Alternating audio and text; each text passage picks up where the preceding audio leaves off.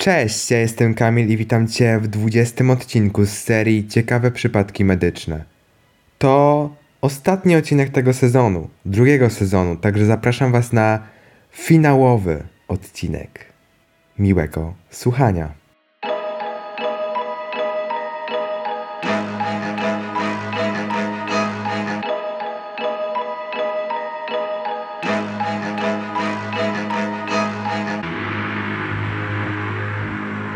W dzisiejszym odcinku powiemy sobie o transie lunatycznym, zwanym też somnambulizmie i historii mordercy z Ontario.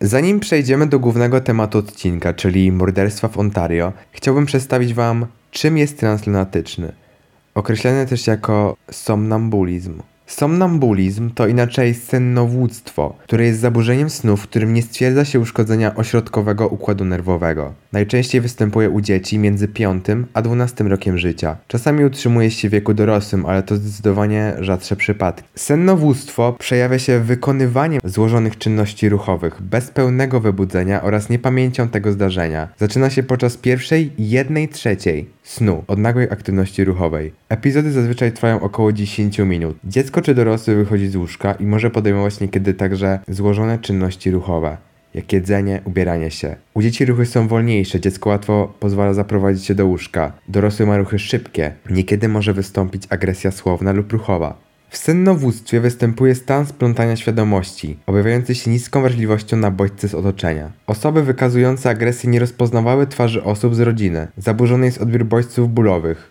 Nie czują bólu, gdy się zranią. Zaburzony jest odbiór bodźców słuchowych. Nie słyszą słów kierowanych do nich. Zachowana jest orientacja przestrzenna, co powoduje, że w trakcie epizodu somnambulicznego mogą się przemieszczać, co grozi wypadkami i uszkodzeniami ciała. Występujące niekiedy zachowania agresywne najczęściej pojawiają się podczas próby wykonywania wybudzenia.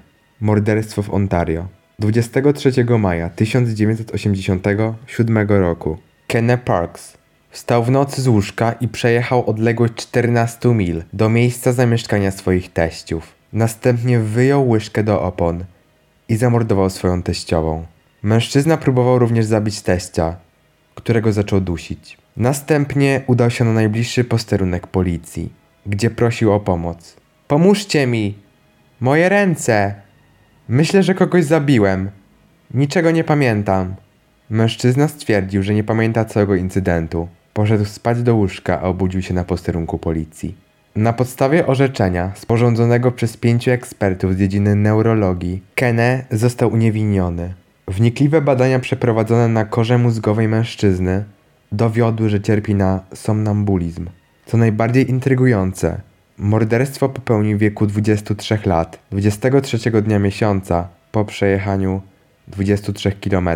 Był to przypadek podręcznikowy, ponieważ miał potencjał, aby otworzyć nowe granice badań w psychologii i innych naukach biologicznych opisujących mózg. Kilku specjalistów od snu stwierdziło, że podczas snu miał bardzo nienormalne fale mózgowe.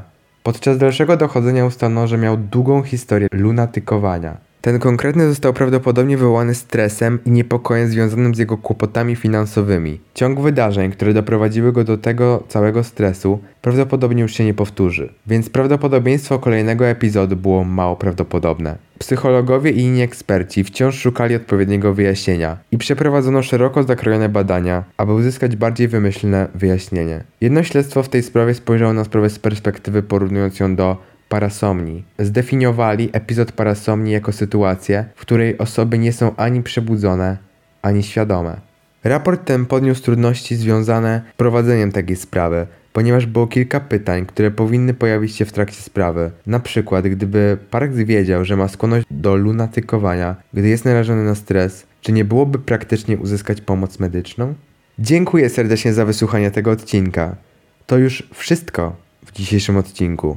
Dziękuję również za ten drugi sezon. Cześć.